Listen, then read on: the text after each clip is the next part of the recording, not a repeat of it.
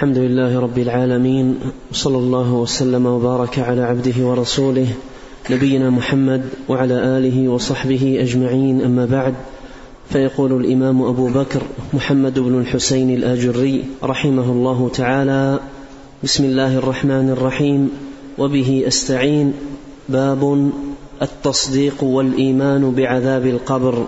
قال حدثنا أبو بكر جعفر بن محمد الفريابي قال أخبرنا أبو بكر بن أبي شيبة قال حدثنا عبد الرحمن بن مهدي عن سفيان يعني ابن سعيد الثوري عن أبيه عن خيثمة عن البراء بن عازب رضي الله عنه في قول الله عز وجل يثبت الله الذين آمنوا بالقول الثابت في الحياة الدنيا وفي الآخرة.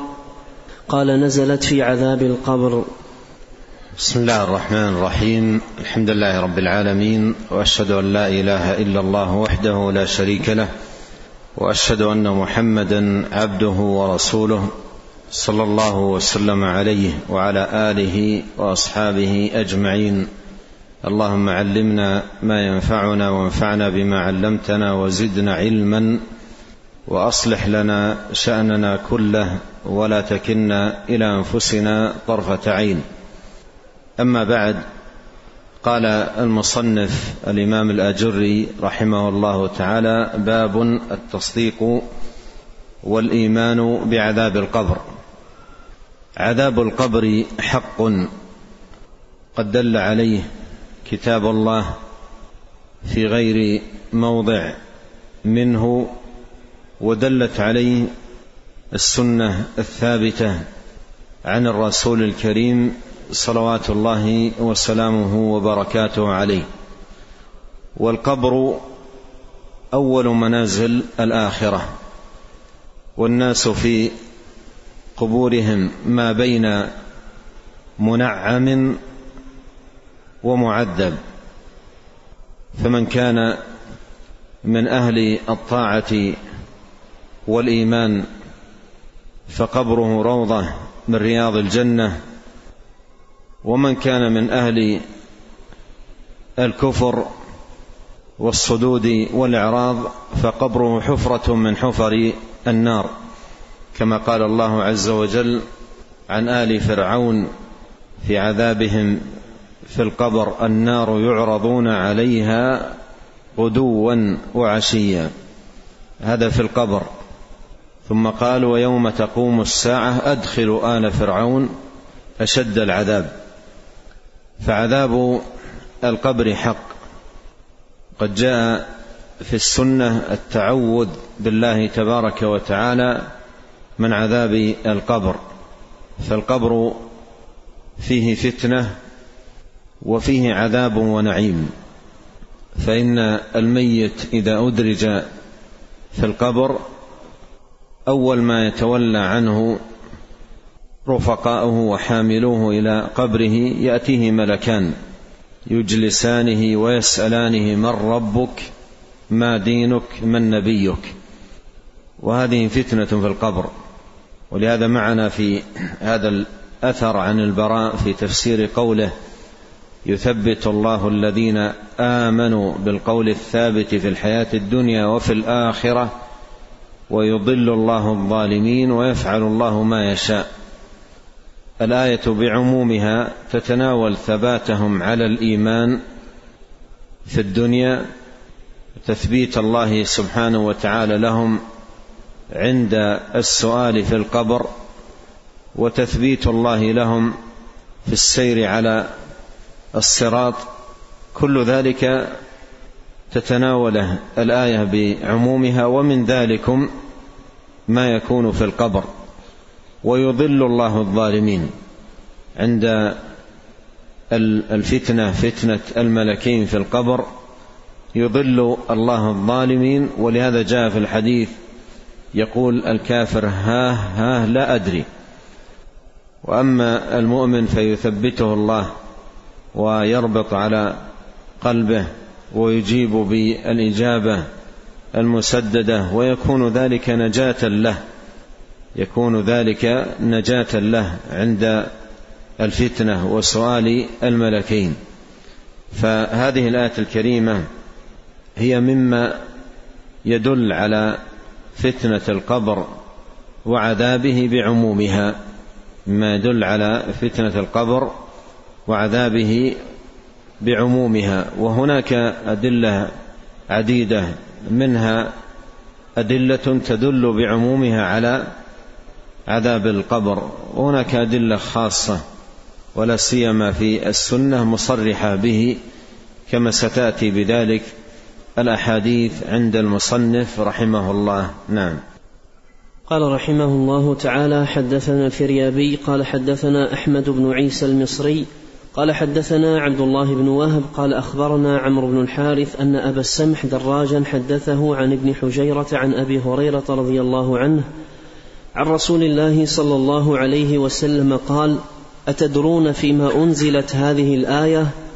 فإن له معيشة ضنكا. أتدرون ما الضنك؟ قالوا الله ورسوله أعلم. قال عذاب الكافر في قبره والذي نفسي بيده إنه ليسلط عليه تسع وتسعون تنينا. أتدرون ما التنين؟ تسع وتسعون حية لكل حية سبعة رؤوس. ينفخون جسمه ويلسعونه ويخدشونه إلى يوم القيامة.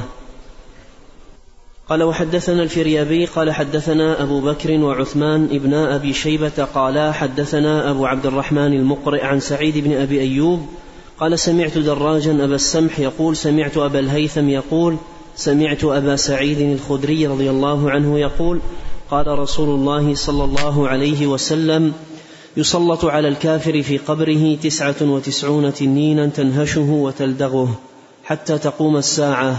ولو أن تنينا منها ينفخ في الأرض ما أنبتت خضراء. ثم أورد رحمه الله تعالى هذين الحديثين حديث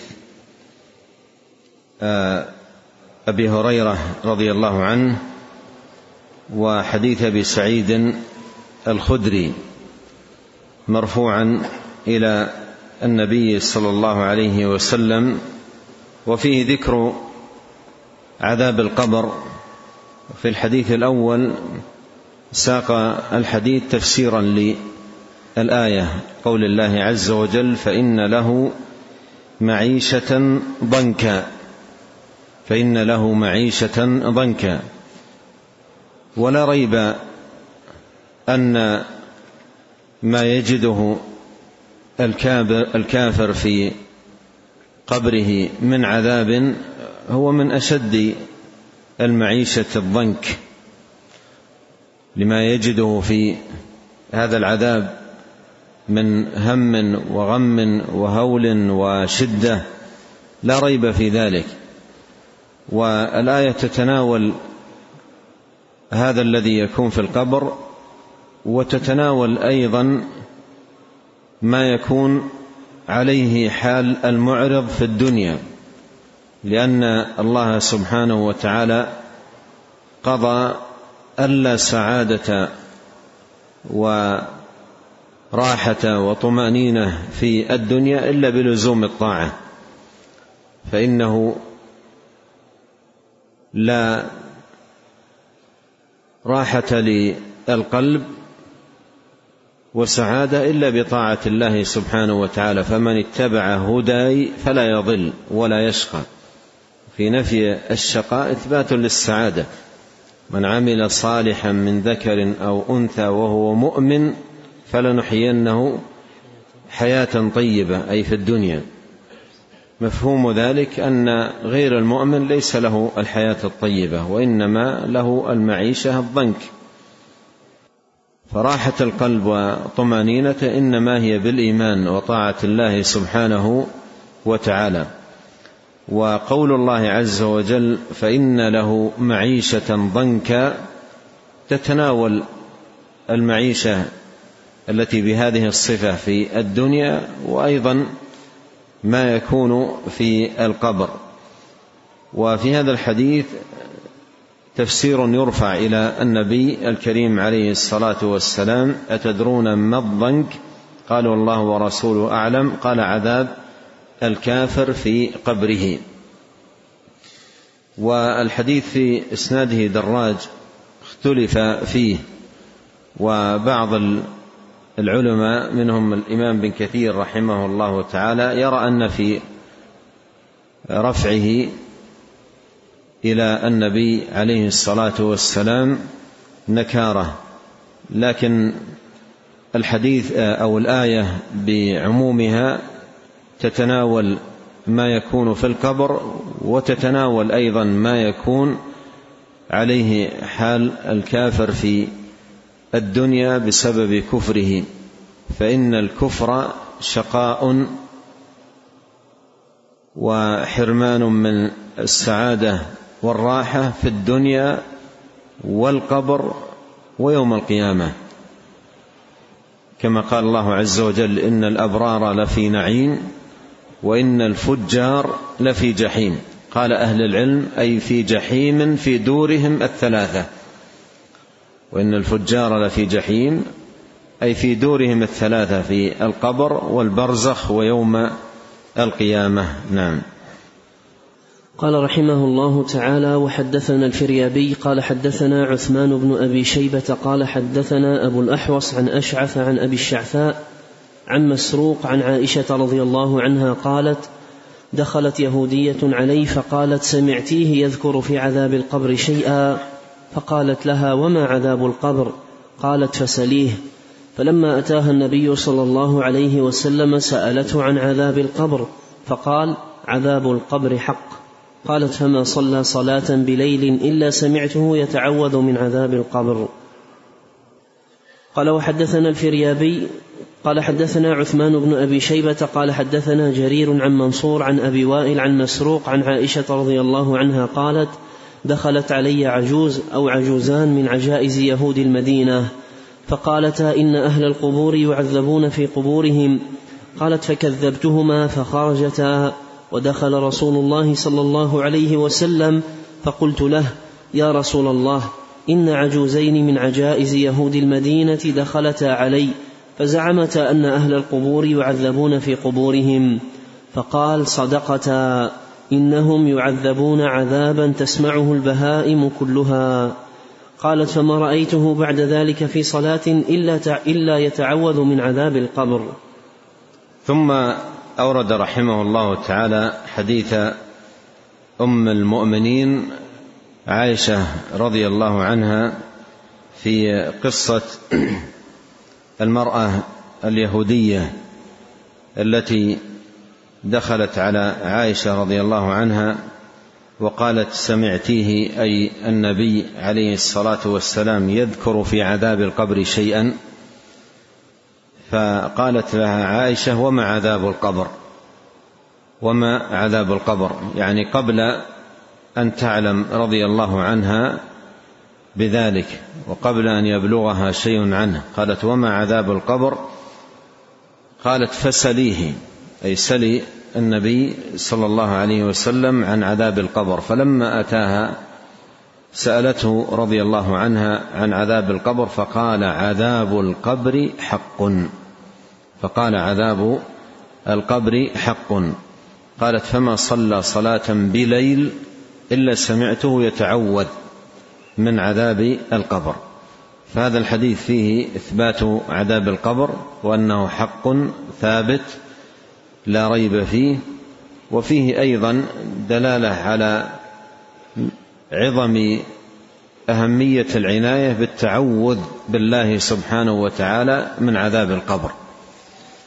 وعندما تقول أيها الأخ المبارك الموفق في دعائك اللهم إني أعوذ بك من عذاب القبر فإنها دعوة تتناول السلامة من عذاب القبر نفسه ومن الأسباب الموصلة إليه. ومن الأسباب الموصلة إليه المفضية إليه فأنت عندما تتعوذ من عذاب القبر فهو تعوذ من عذابه ومن كل سبب يفضي إلى عذابه. ومثله عندما تتعوذ بالله من عذاب النار فهو تعوذ من عذابها ومن الأمور التي توصل إلى عذابها.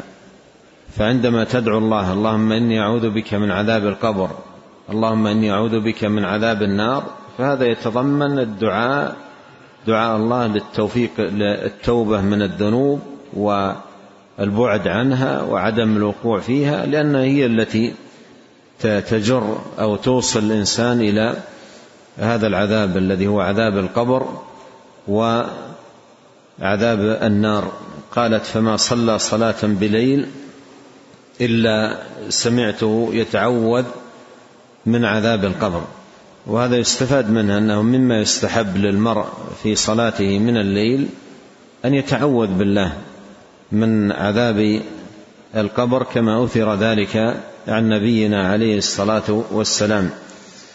وفي الرواية الأخرى قالت أن النبي صلى الله عليه وسلم قال صدقة إنهم يعذبون عذابا تسمعه البهائم كلها. تسمعه البهائم كلها. وسيأتي معنا حديث لاحق في هذا الباب. قال فيه عليه الصلاة والسلام لولا أن تدافنوا. لولا الا تدافنوا لسالت الله أن يسمعكم من عذاب القبر. فالبهائم غير مكلفة. البهائم غير غير مكلفة. والايمان بالقبر إيمان بالغيب. وهو باب من أبواب التكليف تكليف العباد بالإيمان بالغيب. هدى للمتقين الذين يؤمنون بالغيب أي بكل ما غاب عنهم مما أخبرتهم به رسل الله. ولهذا المؤمن يعتقد في ضوء ما دلت عليه الدلائل أن القبور إما أن تكون دار نعيم وموطن نعيم أو تكون موطن عذاب والعياذ بالله. سيأتي معنا في الحديث أن النبي صلى الله عليه وسلم مر على قبرين. قال أما إنهما يعذبان؟ وما يعذبان في كبير؟ بلى إنه كبير. سيأتي معنا. فالقبور إما أن يكون صاحبها في عذاب أو يكون في في نعيم. وافاد هذا الحديث وأحاديث أخرى أن البهائم تسمع. أن البهائم تسمع. آه، العذاب الذي يكون في القبر والآدمي قد يكون إلى جنب البهيمة وهي تسمع وهو لا يسمع شيئا. وهذا أيضا من الدلائل على عظيم قدرة الله سبحانه وتعالى. من الدلائل على عظيم قدرة الله سبحانه وتعالى. المرء يمشي إلى جنب البهيمة فتسمع البهيمة. العذاب وهو لا يسمع شيئا ولا يشعر بشيء لأن هذا الأمر الذي تسمعه البهيمة ولا يسمعه هو الحكمة فيه أنه مكلف بأن يؤمن بهذا الأمر المغيب عنه. المحجوب عنه سماعه ورؤيته ومعاينته. فهذا من الإيمان جزء من الإيمان الإيمان بالغيب. الغيب الإيمان بالغيب هو الإيمان بكل ما غاب عن الإنسان مما أخبرت به الرسل رسل الله عليهم صلوات الله وسلامه. نعم.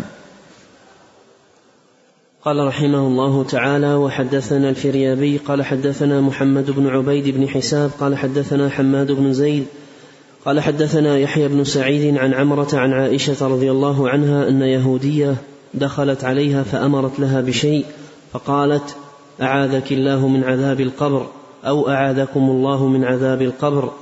فذكرت حديث الكسوف وقالت في آخره فدخل علي رسول الله صلى الله عليه وسلم وهو يقول إني أريتكن تفتنون في أريتكم تفتنون في قبوركم مثل فتنة الدجال. قال وسمعته يقول اللهم إني أعوذ بك من عذاب القبر وأعوذ بك من عذاب النار. نعم وفي هذا إثبات فتنة القبر وإثبات العذاب أو النعيم.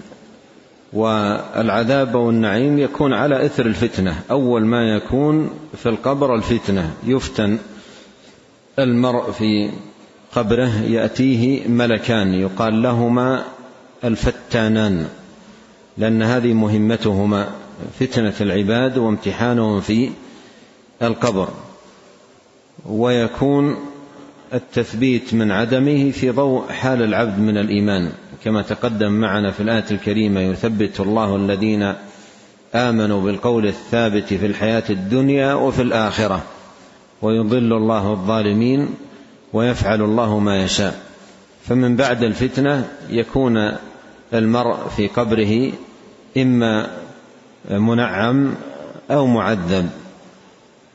وفي هذا الحديث ذكر الفتنة وعظم الفتنة. قال إن إنكم تفتنون في قبوركم مثل فتنة الدجال. وفتنة الدجال هي من أعظم الفتن في الدنيا وأشدها. وما من نبي بعثه الله سبحانه وتعالى إلا وحذر قومه وأنذرهم فتنة الدجال. والفتنة التي تكون في القبر مثل فتنة الدجال أي في عظمها وكبرها وشدتها فهي فتنة عظيمة. ولهذا قرن التعوذ من هاتين الفتنتين فتنة الدجال وفتنة عذاب فتنة القبر. في صلاة المرء وفي عدد من الأدعية المأثورة عن النبي الكريم صلوات الله وسلامه وبركاته عليه. قالت وسمعته يقول اللهم إني أعوذ بك من عذاب القبر وأعوذ بك من عذاب النار. نعم. قال رحمه الله تعالى كما وكما قدمت التعوذ من عذاب القبر ومن عذاب النار يتناول التعوذ من كل سبب يفضي إلى هذا العذاب. نعم. قال رحمه الله تعالى وحدثنا الفريابي قال حدثنا قتيبة بن سعيد قال حدثنا إسماعيل بن جعفر عن حميد بن أبي حميد الطويل قال قتيبة وهو حميد بن طرخان عن أنس بن مالك أن رسول الله صلى الله عليه وسلم دخل حائطا من حوائط بني النجار فسمع صوتا من قبر فقال متى دفن صاحب هذا القبر؟ فقالوا في الجاهلية. فسر بذلك فقال لولا الا تدافنوا لدعوت الله تعالى أن يسمعكم عذاب القبر. قال وحدثنا الفريابي قال حدثنا إسحاق بن راهوية قال أخبرنا المؤمل بن إسماعيل قال حدثنا حماد بن سلمة عن ثابت عن أنس رضي الله عنه أن رسول الله صلى الله عليه وسلم قال أن رسول الله صلى الله عليه وسلم مر بحائط لبني النجار وهو على بغلة شهباء فسمع أصوات أقوام يعذبون في قبورهم فقال رسول الله صلى الله عليه وسلم لولا الا تدافنوا لسألت الله عز وجل أن يسمعكم عذاب القبر. قال وحدثنا الفريابي قال حدثنا عثمان بن أبي شيبة قال حدثنا وكيع بن الجراح عن شعبة عن عون بن أبي جحيفة عن أبيه عن البراء عن أبي أيوب رضي الله عنه أن النبي صلى الله عليه وسلم سمع أصواتا حين غربت الشمس فقال هذه أصوات اليهود تعذب في قبورها. ثم أورد رحمه الله تعالى هذا الحديث عن أنس رضي الله عنه ساقه رحمه الله من طرق إليه رضي الله عنه وأرضاه وفيه أن النبي عليه الصلاة والسلام سمع الصوت صوت عذاب القبر. سمع ذلك والصحابة يمشون إلى جواره عليه الصلاة والسلام ولم يسمعوا شيئا. سمع عليه الصلاة والسلام صوتا والصحابة يمشون معه ما سمعوا شيئا. وأخبرهم عليه الصلاة والسلام بما سمع. مر بحائط فسمع صوتا من قبر. فقال متى دفن صاحب هذا القبر؟ فقالوا في الجاهلية فسر بذلك فقال لولا ألا تدافنوا لدعوت الله تعالى أن يسمعكم عذاب القبر أن يسمعكم عذاب القبر. لكن كون المرء لا لا يسمع عذاب القبر كون المرء لا يسمع عذاب القبر فيه من الحكمة ما ذكره عليه الصلاة والسلام في هذا الحديث. قال لولا أن لا تدافنوا. لولا أن لا تدافنوا. وأيضا هو في الوقت نفسه من الإيمان بالغيب. من الإيمان بالغيب. فالعبد مكلف بالإيمان بكل ما غاب عنه مما أخبرت به الرسل. ولهذا كان الصحابة رضي الله عنهم والنبي صلى الله عليه وسلم يخبرهم بذلك. على يقين من هذا الذي أخبرهم به عليه الصلاة والسلام وإن لم يروا شيئا أو يسمعوا صوتا كفاهم شاهدا على صدق هذا الأمر أن أخبرهم به الرسول عليه الصلاة والسلام الذي لا ينطق عن الهوى إن هو إلا وحي يوحى. نعم.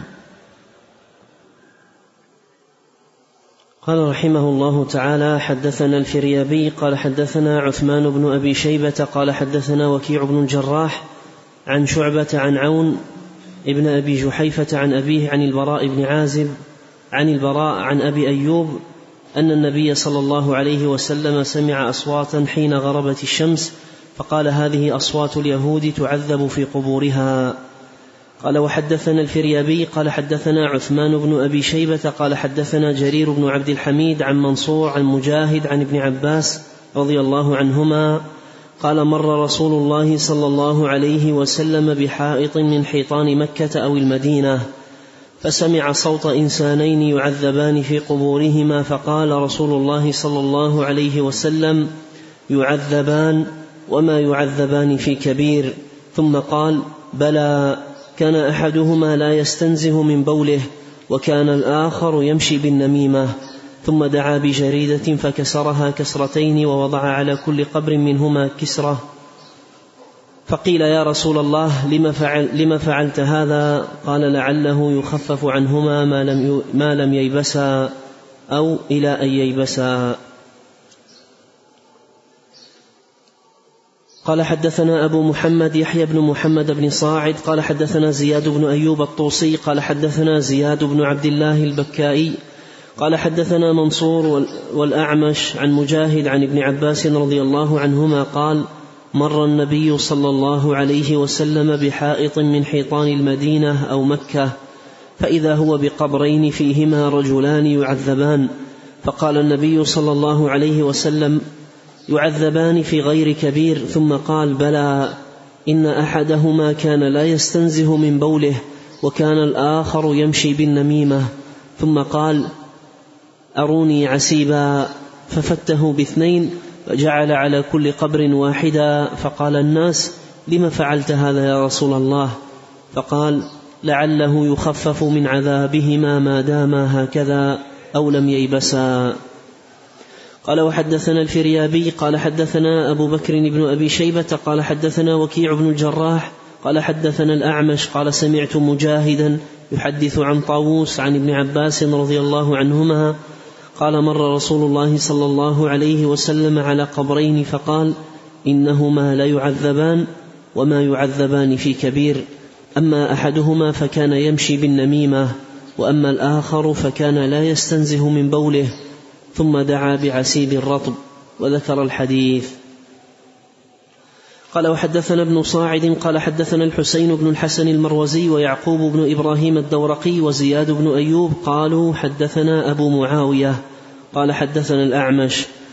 قال ابن صاعد وحدثنا يوسف بن موسى القطان قال حدثنا جرير وأبو معاوية ووكيع واللفظ لوكيع قال حدثنا الأعمش قال سمعت مجاهدا يحدث عن طاووس عن ابن عباس رضي الله عنهما قال مر النبي صلى الله عليه وسلم على قبرين فقال إنهما لا يعذبان وما يعذبان في كبير وذكر الحديث بطوله. نعم يؤجل الكلام على هذا الحديث إلى لقاء اللقاء القادم بإذن الله سبحانه وتعالى. نسأل الله الكريم رب العرش العظيم أن ينفعنا أجمعين بما علمنا وأن يزيدنا علما وأن يصلح لنا شأننا كله وألا يكلنا إلى أنفسنا طرفة عين. نسأله جل في علاه أن يعيذنا أجمعين من عذاب القبر ومن عذاب النار. اللهم أعذنا من عذاب القبر ومن عذاب النار. اللهم أعذنا من عذاب القبر ومن عذاب النار. اللهم أصلح لنا ديننا الذي وعصمه أمرنا وأصلح لنا دنيانا التي فيها معاشنا وأصلح لنا آخرتنا التي فيها معادنا واجعل الحياة زيادة لنا في كل خير والموت راحة لنا من كل شر. اللهم آت نفوسنا تقواها وزكها أنت خير من زكاها أنت وليها. ومولاها اللهم اصرف عنا وعن المسلمين أينما كانوا الفتن ما ظهر منها وما بطن. اللهم إنا نسألك لنا ولإخواننا المسلمين أينما كانوا الأمن والإيمان والسلامة والإسلام والمعافاة في الدنيا والآخرة. اللهم اقسم لنا من خشيتك ما يحول بيننا وبين معاصيك ومن طاعتك ما تبلغنا به جنتك ومن اليقين ما تهون به علينا مصائب الدنيا. اللهم متعنا بأسماعنا وأبصارنا وقوتنا ما أحييتنا. واجعله الوارث منا. واجعل ثأرنا على من ظلمنا. وانصرنا على من عادانا. ولا تجعل مصيبتنا في ديننا. ولا تجعل الدنيا أكبر همنا. ولا مبلغ علمنا. ولا تسلط علينا من لا يرحمنا. سبحانك اللهم وبحمدك. أشهد أن لا إله إلا أنت. استغفرك وأتوب إليك. اللهم صل وسلم على عبدك ورسولك نبينا محمد وآله وصحبه. جزاكم الله خيرا.